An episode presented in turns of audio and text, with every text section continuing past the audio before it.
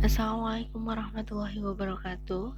Uh, kembali lagi dengan saya Rintan Fitriana, NIM 202300008 Prodi Ekonomi Pembangunan. Nah, di kali ini uh, kita akan membahas tentang proses rantai data. Nah, uh, proses rantai data ini berawal dari data menjadi sesuatu yang ternilai Nah, rantai nilai yang sepenuhnya baru berkembang di sekitar perusahaan yang mendukung produksi wawasan dari data, termasuk akuisisi data untuk menyediakan sumber data baru, kemudian penyimpanan dan pergudangan data, kemudian ada permodelan dan analisis data, serta visualisasi data.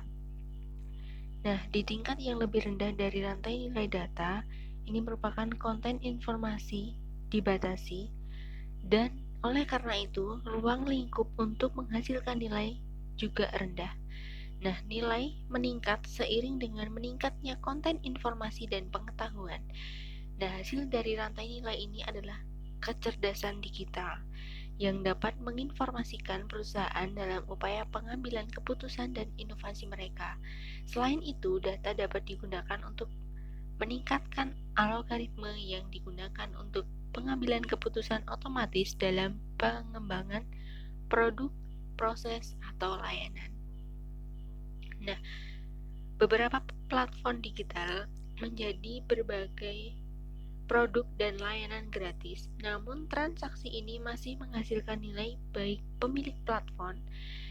Nah, hal ini dikarenakan pengguna dan konsumen memberi mereka berbagai aspek data pribadi mereka seperti lokasi, preferensi, hubungan, dan juga perilaku pribadi.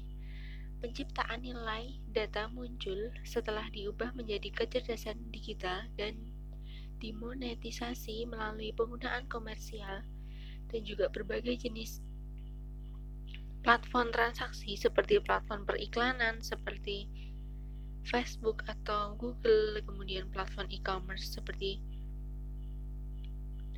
Shopee dan juga lainnya. Platform produk ini adalah mengubah barang tradisional menjadi layanan yang dapat disewa. Kemudian ada platform cloud seperti Google Cloud, Platforms, dan juga Microsoft Azure.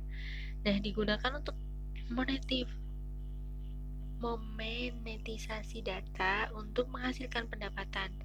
Nah, hal ini penting untuk diperhatikan bahwa data individu memiliki nilai yang kecil atau tidak ada sama sekali.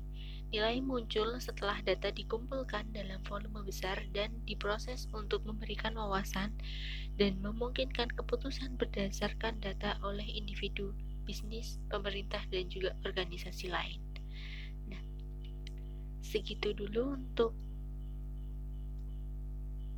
penjelasan tentang proses rantai data yang berawal dari data menjadi sesuatu yang ternilai.